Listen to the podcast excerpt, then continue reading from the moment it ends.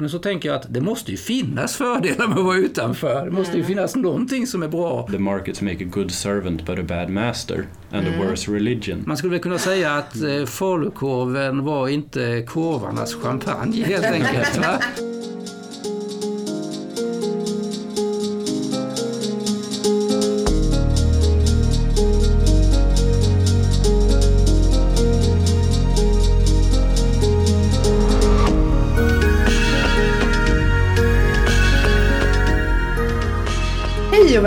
Utrikeshandelspodden, en samtalspodd från Kommerskollegium, Sveriges myndighet för utrikeshandel, EUs inre marknad och handelspolitik. Jag heter Alexandra Hernadi och är kommunikationsansvarig här på Kommerskollegium. I den här poddserien vrider vi och vänder på de frågor som vi arbetar med här. Vi pratar om vad vi gör, hur vi gör det och ganska mycket om varför i relation till omvärlden, globaliseringen, digitaliseringen och allt annat som händer just nu.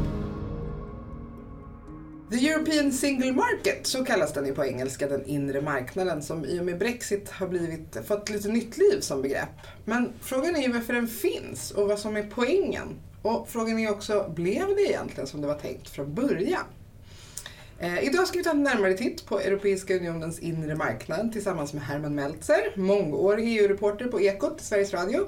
Eh, numera frilans får man väl säga. Eh, och sen har vi Erik Dahlberg som är utredare på Kommerskollegium och expert på ekonomisk analys av just den inre marknaden. Välkommen båda två! Tack! Tack så mycket. Kul att ni är här. Jag tänkte vi börjar lite från början, det ska man ju alltid göra. Vad betyder egentligen den inre marknaden? Många tror ju att det är samma sak som EU, men hur skulle du liksom definiera begreppet Erik? Till att börja med så inbegriper inre marknaden dels alla EUs länder och sen även Norge, Island och Liechtenstein med på den inre marknaden trots Mm. att de inte är med i EU. Mm. Ehm, principerna för den här marknaden som ju eh, då mm, spänner över nästan hela Europa är eh, att det ska vara fri rörlighet för varor, tjänster, personer och kapital. Mm. Och i praktiken betyder det att eh, om man vill eh, exportera varor, importera varor eller tjänster, eh, flytta kapital eller om man vill så att säga, flytta runt i unionen antingen ehm, bara för att flytta generellt men också Ja. för att flytta för att arbeta Ja. så ska man få göra det eh, utan att stöta på några hinder eh, som inte kan motiveras utifrån ett eh, legitimt skyddsintresse som Just till exempel skydd för konsumenter, skydd för miljö, skydd för eh, människors och djurs hälsa och så vidare. Och om jag vill plugga så har jag samma Plugga får man Ja. också göra, ja, Ja. precis. Mm. Hur stor del av den svenska utrikeshandeln sker på den inre marknaden då? Ehm, ja, det kan man säga. Det är tre fjärdedelar. Mm. Så det eh, är ganska omfattande med andra ord. Ja, absolut. Ja. Ehm, och då ehm, en, en ganska stor del av det är till Norge. Så om man till Mm. exempel tittar på hur stor del av Sveriges handel som sker med EU-länder så är andelen snarare två tredjedelar. Men lägger man till Norge då som en del av inre marknaden så blir det ja, tre fjärdedelar. Och så har det varit under ja, de senaste tio åren minst. Mm. Den är är- det mest varor eller är det tjänster? Definitivt mest varor. Ja, Tjänstehandeln växer mycket snabbare. ja. Ehm, men det tänker man ju själv om man bara tittar på hur Ja men precis, det är, Ja. det är mer, eh, vad ska man säga, mer nytt. Ja. Och mer framsteg sker för tjänstehandeln med Mm. eh, ny teknik och så vidare. Mm. Jag kan säga att varuhandeln utgör två tredjedelar Mm. och tjänstehandeln en tredjedel. Mm. De flesta undersökningar brukar ju visa att svenskens och europeer överlags kunskaper om EU är ganska dåliga. Eh, och jag tänkte Herman, du har ju en lång erfarenhet av att jobba med EU-frågor. Hur skulle du beskriva liksom, gemene mans bild av EU och den inre marknaden? Ja, men den är, nog, den är nog ganska luddig framförallt, framförallt, om hur, eh, framförallt om hur EU fungerar. Ja. Och det beror ju på att eh, det går, beslut fattas på ett helt annat sätt eh, än i Sverige. Om vi tar besluten i riksdagen så går det ju väldigt, där vi har ju de olika stationerna där och vi har utredningar, man skickar ut dem på remiss och, Mm. och så vidare. Inom eh, EU-maskineriet så, det, så kan ju en fråga pågå i, i åratal. Mm. Och eh, när det väl liksom allting verkar klart då ska Europaparlamentet också godkänna det och sen blir det en förhandling där så att det, det är en väldigt krånglig, krånglig väg. Och eh, de flesta människor tycker väl att de har annat att göra än att sitta liksom och följa allting i, följa allting i detalj. Så, så att eh, därför så tror jag att, eh, att det blir lite diffust. Det är inte så att det saknas information. Det finns ju massor av sätt att ta reda på olika saker.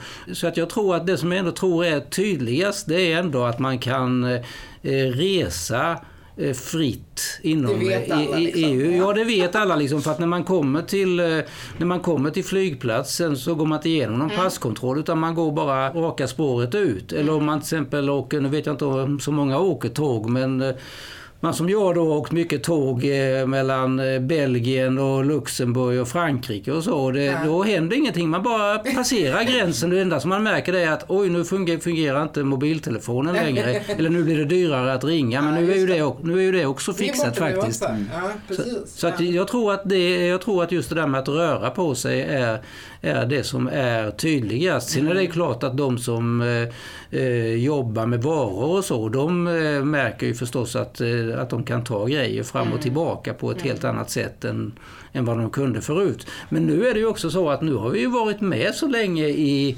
i EU så nu tror jag att det finns eh, jag tror det, det börjar finnas allt fler människor som inte kommer ihåg hur det var när vi inte ja, var med. Jag tänkte vi skulle komma in på det lite Ja. senare, men absolut. Ja. Men du, om man tittar på bevakningen i Sverige i början kring EU-frågor kontra hur den ser ut idag, hur skulle du säga att den skiljer sig?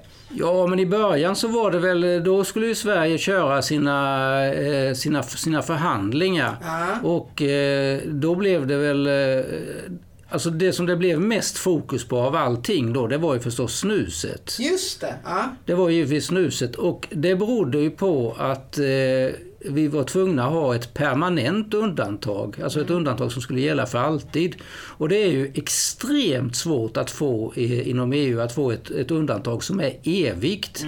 Eh, så här tillfälliga övergångsregler, det är som jag har fattat det rätt, rätta mig om jag har fel Erik, så eh, det, det, är ganska lätt, det är ganska lätt att få. Eh, två eller tre eller fyra år eller avtrappande eller något sånt där. Men permanent undantag. Och då hade ju de svenska förhandlarna väldigt svårt att få eh, människorna i Bryssel att fatta att det finns 800 000 snusare i Sverige och det kommer bli nej i folkomröstningen om ni Om inte fixar fixar det här, Eh, Så, ja. så det blev ju väldigt, det blev ju väldigt mycket fokus på det där och det är ju lite konstigt för det är ju liksom en... Alltså det är ju en, det kanske är en perifer fråga. det är en perifer fråga men Men, samtidigt, ja, samtidigt, så, samtidigt så var den avgörande faktiskt. Ja. Och sen handlade det ju väldigt mycket också om eh, eh, att vi lämnade, Sverige lämnade ju ifrån sig makt till Bryssel. Mm.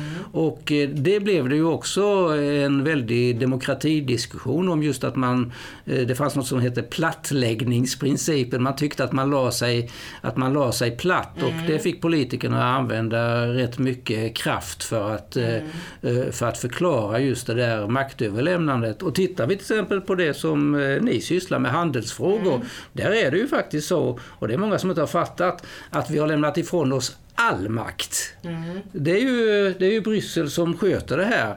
Och eh, hur svårt det här är, det visas faktiskt, nu ska vi ju egentligen inte eh, prata skit om de som inte är här, men det var faktiskt så att när handelsminister Ann Linde uppträdde första gången i sin lördagsintervju, då sa hon att ja, men vi ska försöka upprätta ett separat eh, handelsavtal med Storbritannien. Och det var ju helt fel, för det får vi ju inte göra. Det, har, det har sjunkit undan, men det, det är väl ett exempel, sånt där är ju lätt hänt, men det är ju ett exempel på hur svårt det här är faktiskt. Men man ska också komma ihåg att Bryssel i det här fallet är, dels har vi kommissionen um, och parlamentet som ju finns i Bryssel, men Bryssel är ju också alla medlemsstaters regeringar eller representanter för regeringarna som, som är, är Bryssel också. Det är inte så att det sitter en Det en, ny, en annan regering i, som är, i Bryssel. Men, men absolut stämmer det ju att eh, just handelspolitiken är ju kanske EUs mest centrala och mest exklusiva kompetens. Där med, alltså, eh, enskilda länder får inte skriva handelsavtal med andra länder, det gör EU. Och det fick ju även Trump Ja, det blev blev, han det varse. blev han varse om när Mm, han ville skriva ett handelsavtal med Tyskland. Eh, Ja. Varpå Merkel svarade att ja, nej, men det... luck. Ja, så funkar det exakt. inte Du får åka till. Bryssel och prata om det. Och det, vis, det visar ju dessutom faktiskt också vilken väldigt tung eh, kommissionärspost eh, Cecilia Malmström har fått, som Sverige faktiskt har i det här fallet. Det är nog många som inte riktigt inser det eftersom handelsfrågor är träliga på det sättet att de tar ju ännu längre tid än den här EU-processen som jag talade om innan. Ja. Men hon har ju faktiskt en väldigt, väldigt tung post. Ja. Jag tänker på om man skulle liksom, nu pratade vi lite om hur bilden såg ut förut, men om du tittar på EU-rapporteringen nu som ju du har varit en extremt intensiv del av, men nu kan se lite från sidan sådär. Hur, hur tycker du den är? Fokuserar den på andra saker? Ja, alltså i Sverige så handlar det ju oftast om det som angår Sverige och då har ju till exempel migration då varit en, en, väldigt, en väldigt stor fråga. Eh, och blir det bråk om någonting, ja till exempel eh, ståltullar och hur det funkar mm. för svensk stålindustri, då kan det också bli en stor svensk fråga.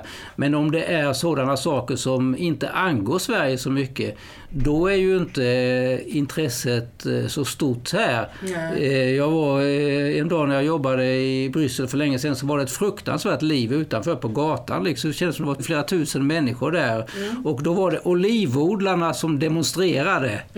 Eh, och de hade gjort en docka av den här eh, kommissionären eh, Frank Fischler, då hette han en österrikare, som de ville mm. bränna. Så jag ringde upphetsat hem till redaktionen och sa att nu, eh, nu är det ett jävla liv här och, liksom, mm. och eh, olivodlarna är ute och sådär. Ja, men vi har väl inga oliver här. så att eh, så där kan det ju vara.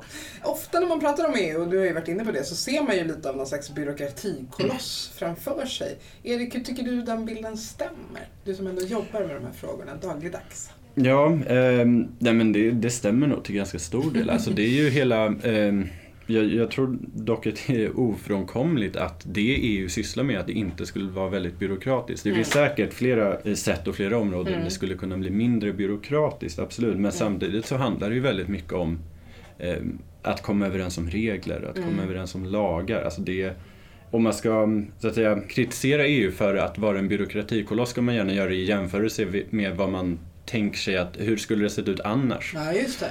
det är svårt att tänka sig att de här frågorna inte liksom blir väldigt byråkratiska. Ja. Det ligger lite i, i sakens natur att ja. när man ska förhandla om regler, man ska förhandla om regler för hur mycket socker det får vara i sylt. Alltså det är ja, inget man bara, man kan ju tänka sig att det är väl bara att sätta sig och bestämma. Liksom. Ja. Men så går det inte till och jag vet inte hur, hur det skulle varit så mycket mindre byråkrati om eh, om allt det här skulle skötas i respektive medlemsstat. Alltså mm. lägg ihop den byråkratibördan så mm.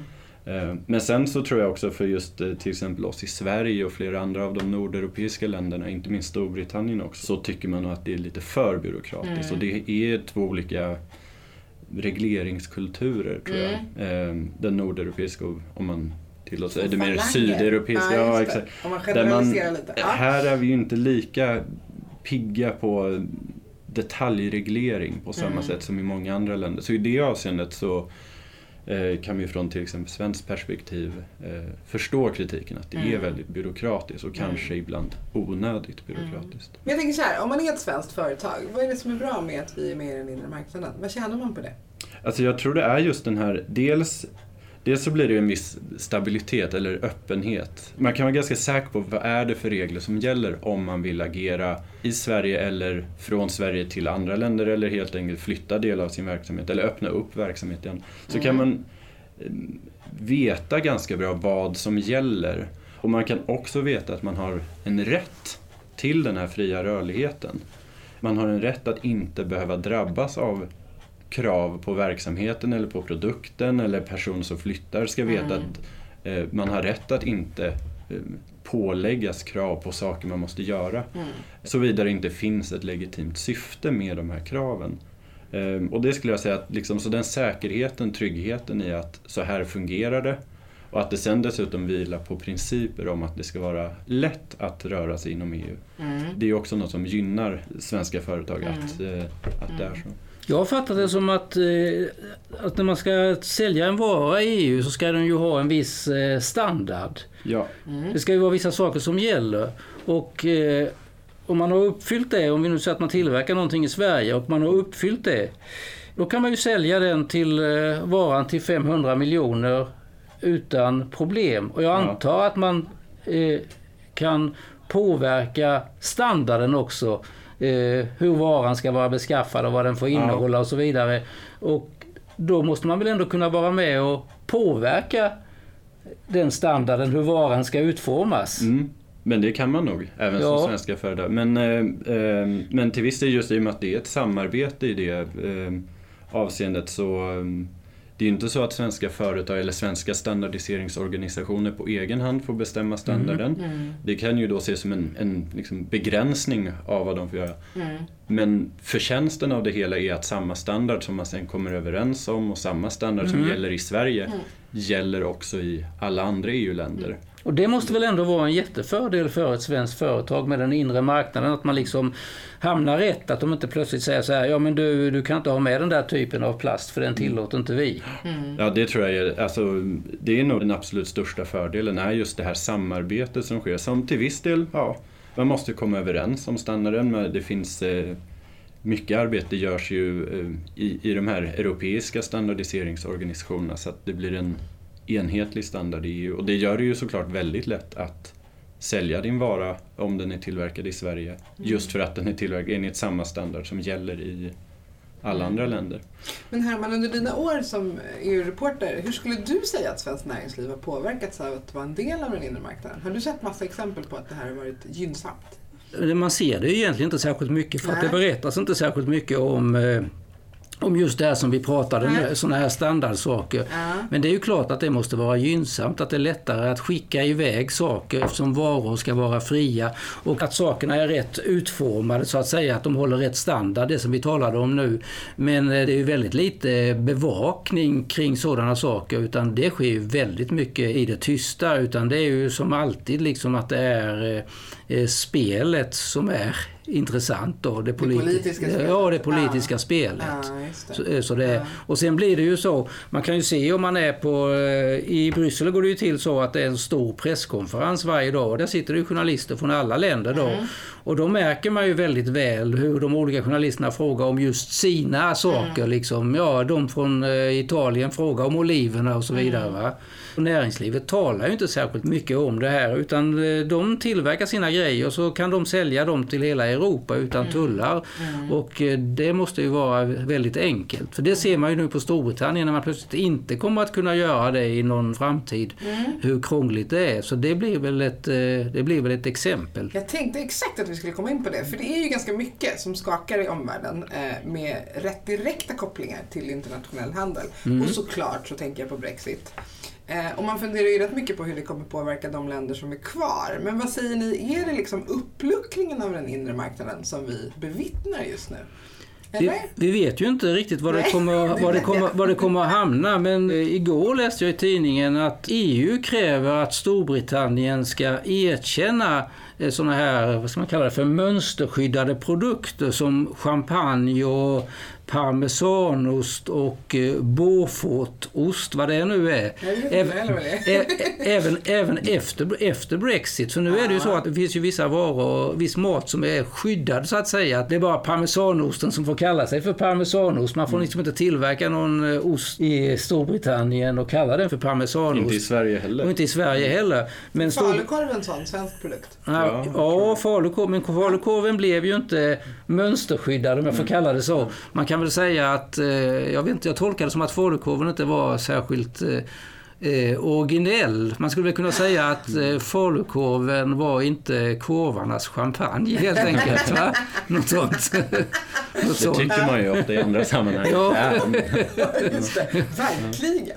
Men det här är ju, det här, men just det här med då parmesanost Ja. och champagne då, ska de engelska, det finns ju engelska vinbönder tror jag, ska de plötsligt få börja tillverka något som kallas för champagne? Det kommer ju inte EU att vilja, så det visar Nej. hur mycket man börjar röra upp när man börjar röra i det här Ja, maskineriet. just det. Ja. Ja, just det här med, eh, jag tror det heter geografiska ursprungsbeteckningar eller Ja. något sånt. Ja. Men, eh, är ju något som EU ofta i- när- i frihandelsavtalsförhandlingar, inte minst med USA, Ja. där det ju finns många parmesanostproducenter och fetaostproducenter. Mm. Fetaost är också Ja. sån Mm, som jag inte vet om det har fått eh, märkningen men i, i Grekland så vill, vill man ju väldigt gärna det.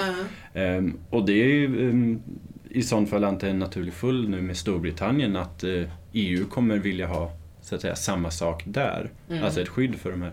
Personligen skulle jag säga att jag tycker det här är inte när EU är som starkast i de här ursprungsbeteckningarna. Det är inte Det är riktigt ju- EU. Nej. Nej, eller, ja, eller det är ju. EU, det är väldigt, väldigt EU att Ja. eh, hålla på med sånt. Bland annat, Ja. de, EU gör mycket Ja. annat också. Men det är inte Men- det bästa gamet. Nej, alltså det är Nej. ju... Det har ju en, ett protektionistiskt inslag, de här Mm. geografiska beteckningarna. Mm.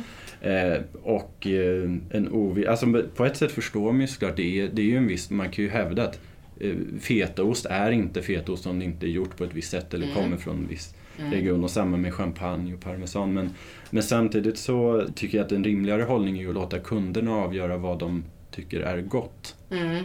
Eh, och det är lite märkligt att tro att bara för att det heter parmesanost så ska så köper man det och man vill absolut inte få folk att köpa ost som inte är lika gott för då kan de ju Mm. tro... Alltså, Mm. det vilar på lite...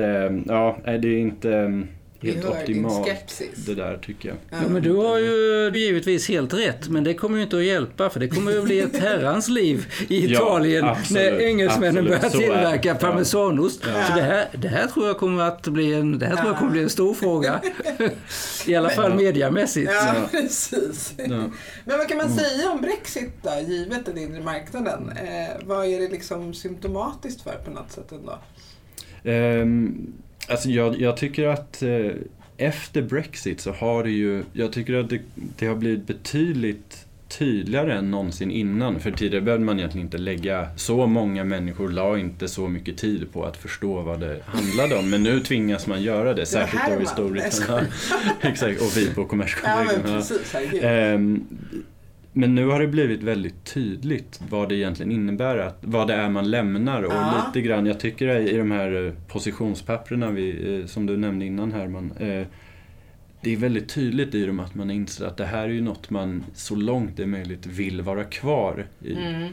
Ehm, sen återstår det att se om det går, för det är väldigt innovativa lösningar om man inte lägger något positivt i ordet innovativ i det här. För sannolikt, det är väldigt krångliga förslag på lösningar för att Mm. behålla det som redan finns. Mm. Intrycket man får från Storbritannien är att man inser mycket bättre vad det faktiskt innebär att vara med och att det är bra. Mm.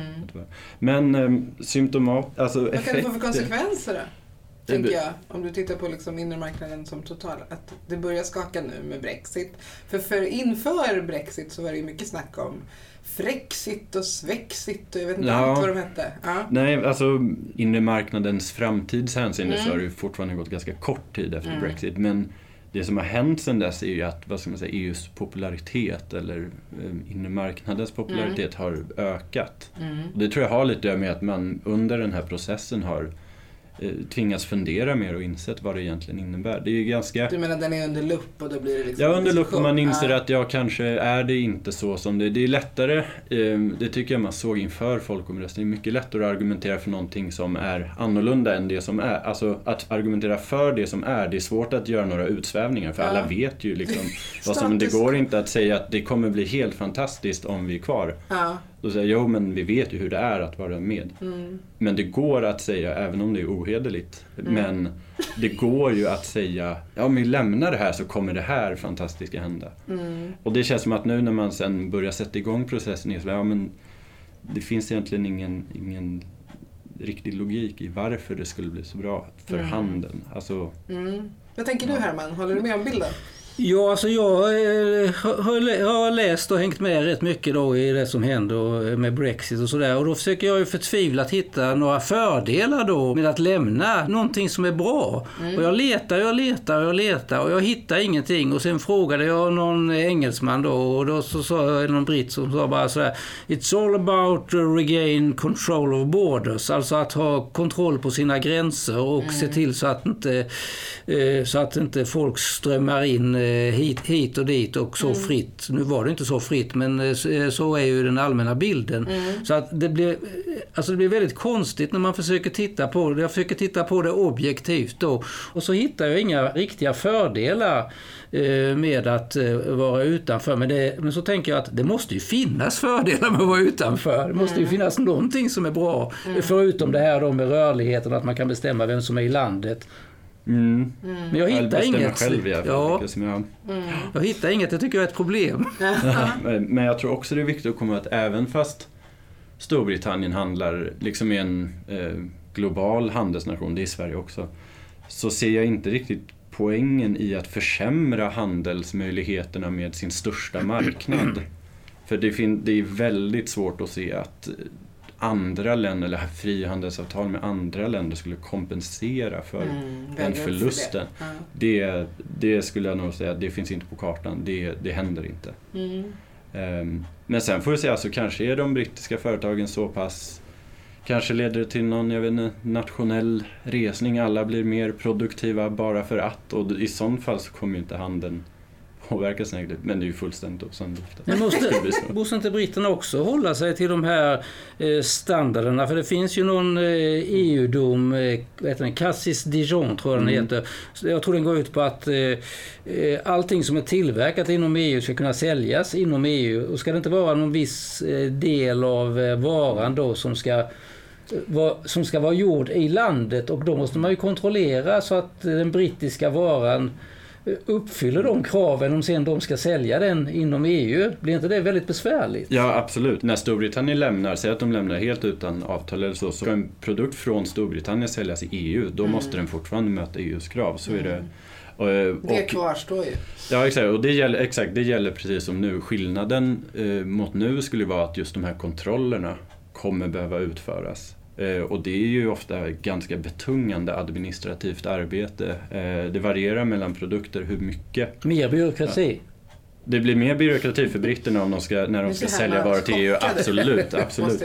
Men, men det som däremot skulle hända är ju att brittiska produkter som bara ska säljas i Storbritannien Mm. behöver ju inte, alltså såvida inte EU och Storbritannien kommer överens om nytt. Typ de Marmite. behöver- Jag försöker tänka på så här, Ja, sånt exakt. som ingen annan gillar. Ja, nej men det behöver ju inte, men det kan ju även vara så, sånt som eh, andra gillar också. Absolut. eh, att eh, just kraven på en sån produkt, om den bara ska säljas i Storbritannien, så Mm. där kan man ju då ha brittiska krav. Mm. Eh, förut, men ska den säljas till ett EU-land så måste den uppfylla EUs krav, men ska du bara sälja den inom landet så, ehm, så kommer ju inte de kraven gälla. Men så är det ju nu, att producerar du en vara i, i Sverige och säljer den i Sverige så är det ändå EUs regler för den Mm. varan som gäller. Eh, I och med att eh, vi är en del av den inre marknaden. Mm. Hörrni, jag tänker när vi blickar lite framåt. Jag skulle jättegärna vilja att vi blickar bakåt. Det finns ju intressanta aspekter av det här. Om man tittar tillbaka när EU bildades, tanken om de fyra friheterna och så. Hur har liksom den bilden stått sig över tid? Vad säger du Herman? Jo, men den är väl eh, ganska så stark och den, den eh, symboliseras ju fortfarande av de här sakerna som eh, alltid får störst rubriker eh, i tidningen. Och då tänker jag på spriten, på alkoholen. Aha, ja. För att eh, idag har vi ju fria införselregler. Jag kan ju köpa hur mycket jag vill då för personligt bruk. Eh, och eh, så var det ju inte. Där hade vi ju en sån här övergångsregel och eh, dåvarande finansministern Bosse Ringholm han slogs ju stenhårt då. Han är ju nykterist själv förresten. Slogs ju stenhårt för att vi skulle behålla de här och han sa det kommer att bli så. Och det där gick inte ihop för vi hade ju bara ett tillfälligt undantag eller en övergångsregel. Och den där historien slutade ju med att dåvarande en, en, kommissionär från Nederländerna som hette Fritz Bolkestein. Han kom hit och så, fick, så ställde journalisterna fråga till honom, ja, hur kommer det att bli med det här nu då? Och då sa han bara pacta servanda sum, alltså ingångna avtal måste hållas på latin. Och sen fick ju Sverige ge sig. Och idag är det ju faktiskt så att eh, vi, kö, vi, köper, vi köper inte det skattefritt men vi betalar skatten som är i det landet. Då. Eh, så att där, eh, det är ju ett extremt tydligt exempel på en förändring faktiskt eh, som eh, nog de flesta tar för eh, självklar idag. Vi har ju andra förändringar också när det gäller, vi fick ju behålla vårt detaljhandelsmonopol men det var ju ändå så att grossisterna där bröts det ju upp då så att nu, eh, vi har ju vinhandlare i Sverige nu som importerar vin och eh, alkohol också, för den, sprit också för den delen och säljer det till restauranger. Det tror jag inte fanns förut för det hette väl eh, Vin och spritbolaget eller Ja, vad det nu hette då. Det var ju de som gjorde det som, som bara fick sköta grossistledet också.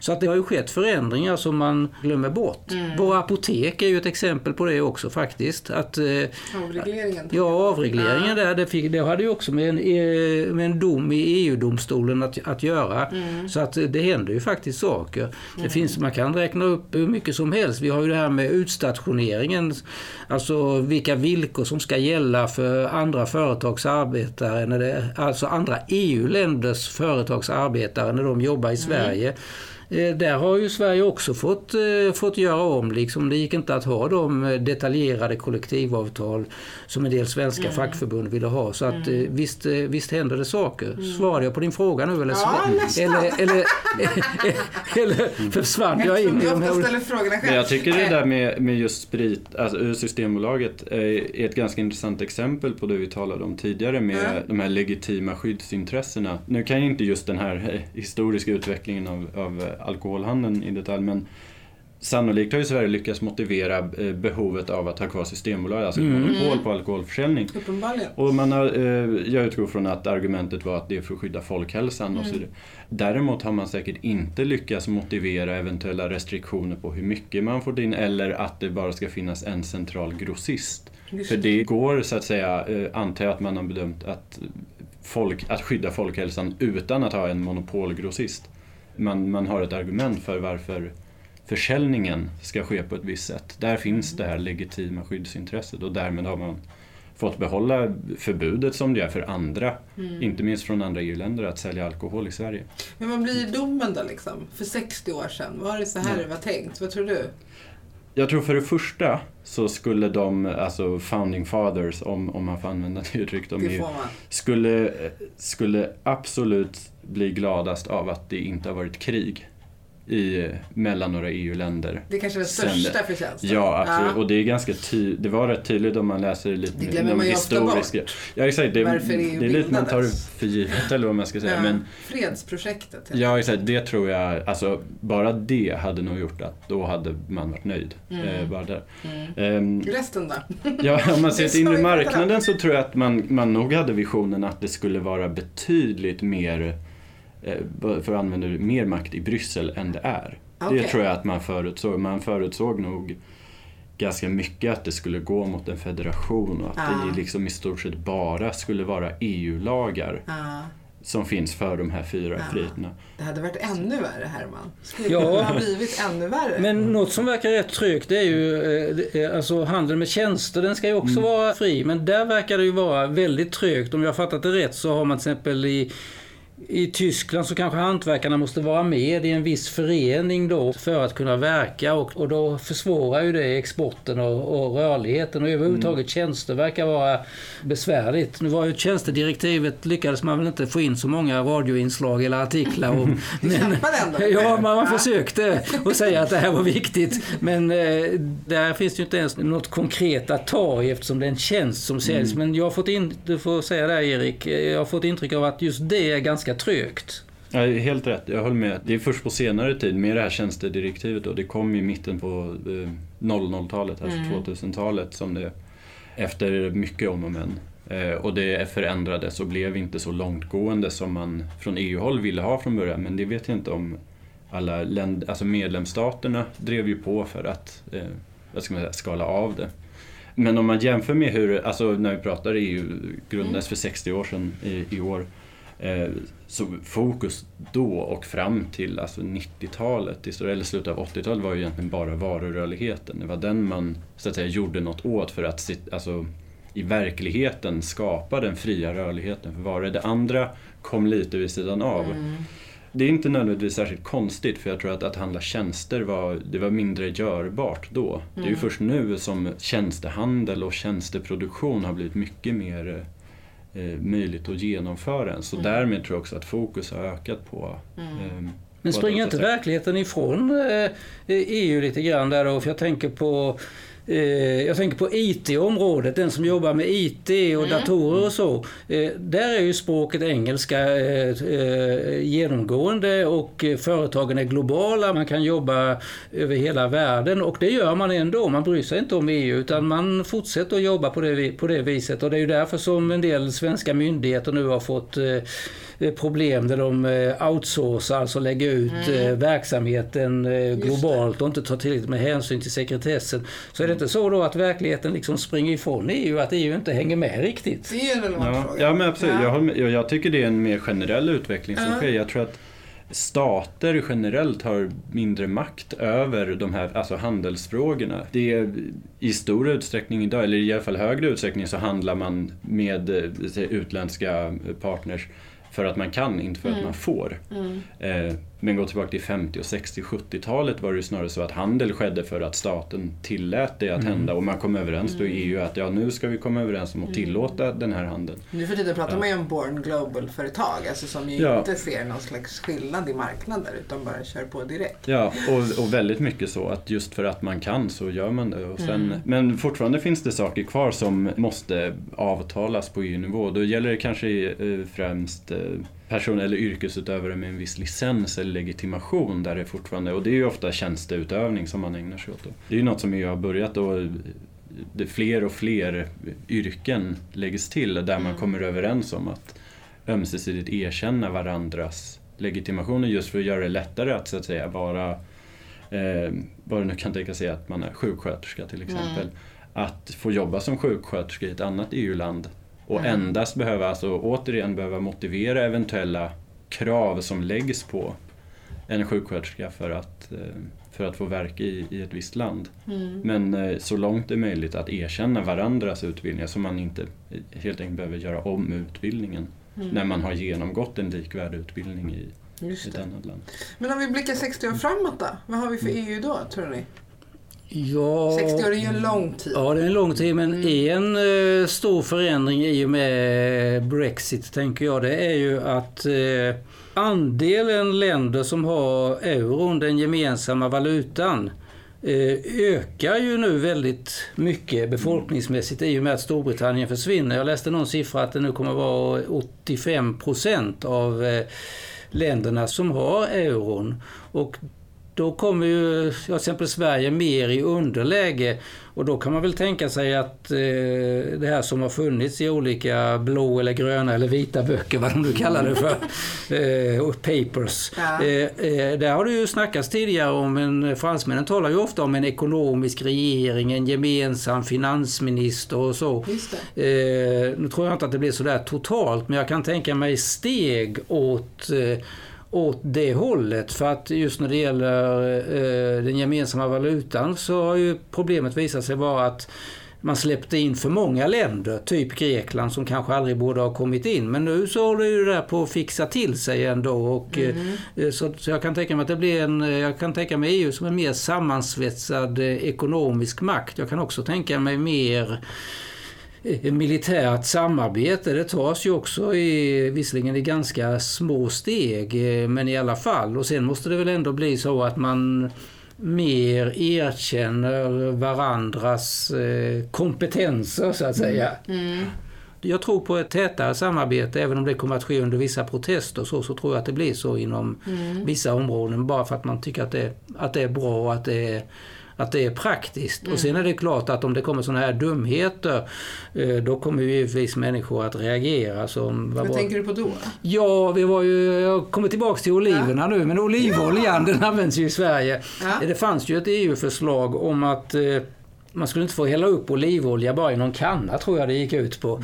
Eh, utan man måste ha liksom ursprungsmärkningen Aha. då, så att man vet liksom vad det är för olivolja som, eh, eh, som bjuds. Och det där blev ju sådär rätt, rent löjeväckande då. Det var ett förslag som EU-kommissionen tvingades eh, ta tillbaka. Och det är ju ofta faran i det hela, för att EU-kommissionen är ju ändå Ja, de är ju inte ens, de är okej, de ska godkännas av Europaparlamentet, men det är ju liksom ingen folkligt vald regering.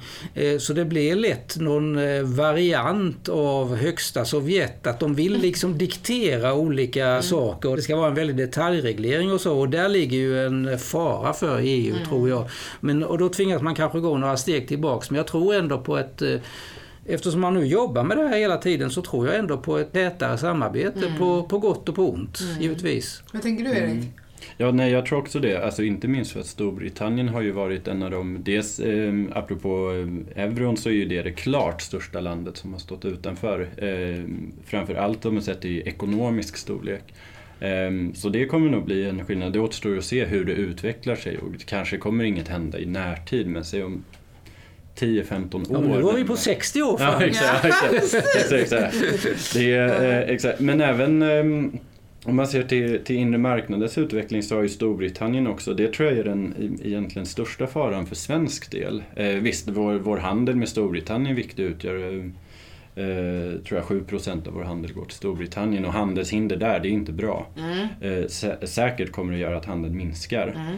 Men, men framför allt så kommer vi förlora en ganska nära vän så att säga i EU-samarbetet, inte minst på inre marknaden eh, där eh, Storbritannien och, och tillsammans med Sverige och några andra länder, Finland, Nederländerna, Danmark, Mm. eh, så att säga har en viss syn på hur det här ska skötas. Hur ska vi reglera en viss produkt? Till exempel i olivoljan så är det ju något som alla länder så att säga, ska komma överens om och rösta om egentligen. Mm. Ehm, och då tänker jag utvecklingen i, i framtiden då utan Storbritannien, det, det finns återigen där, säkert kommer det bli ett närmre samarbete och det behöver inte vara dåligt bara för att det blir närmre men det kan bli bra eller dåligt beroende på hur det ter sig. Mm. Ett närmre samarbete som går ut på att det blir oerhört mycket detaljreglering eh, av eh, ibland onödiga saker. Det skulle jag inte säga är en positiv utveckling. Mm. Och den risken ökar ju när vi då inte har en stark röst runt bordet som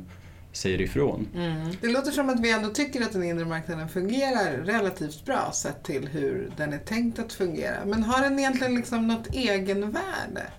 Förstår du vad jag menar? Ehm, alltså på, eh, på ett sätt så kan vi säga att det finns ett egenvärde, alltså fredsaspekten. Ja, ja. Det var ju man valde att skapa den inre marknaden skulle vara medlet för att nå målet med, Ja. eh, som var att eh, länderna inte skulle kriga. Till en början så var det ju bara en, egentligen en inre marknad för kol och stål mellan Mm. Tyskland och Just det, det Frankrike. glömmer man bort. Exakt, Ja. och så bjöds andra länder in. eh, Fyra andra länder nappade redan då och handlade mycket om att produktionen och försäljningen av kol och stål skulle, skulle läggas under en central myndighet som övervakade det här så att inte Mm. det ena landet på egen hand kunde så att säga rusta.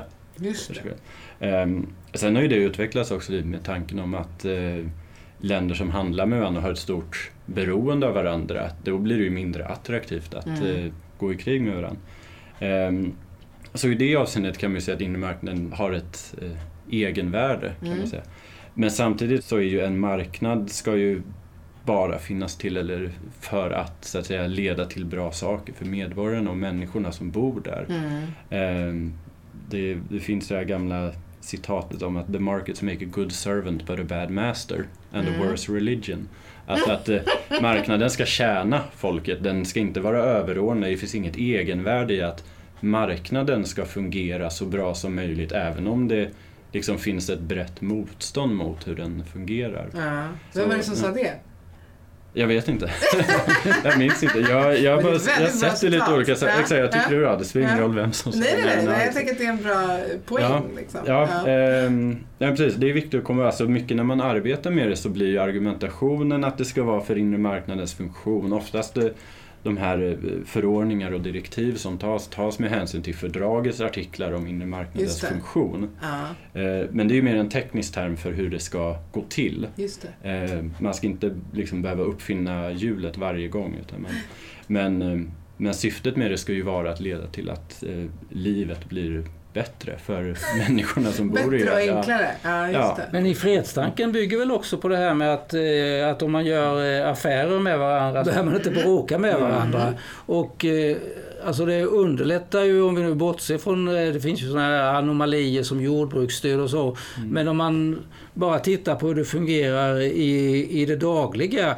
Alltså som, eh, som svensk journalist så hade man väl aldrig någon anledning att eh, bry sig om länder som Slovakien eller Belgien eller sådär. Men nu poppar de ju upp eh, lite då och då och då lär man ju känna mer och då ökar ju förståelsen eh, bättre för hur det funkar i Europa och eh, på något sätt så kan väl det där också bidra till den här fredstanken föreställer jag mig. Mm. Hörni, vi sätter ett streck där. Tack så jättemycket för den här diskussionen. Vi lär få återkomma till den flera gånger. Tack! Tack!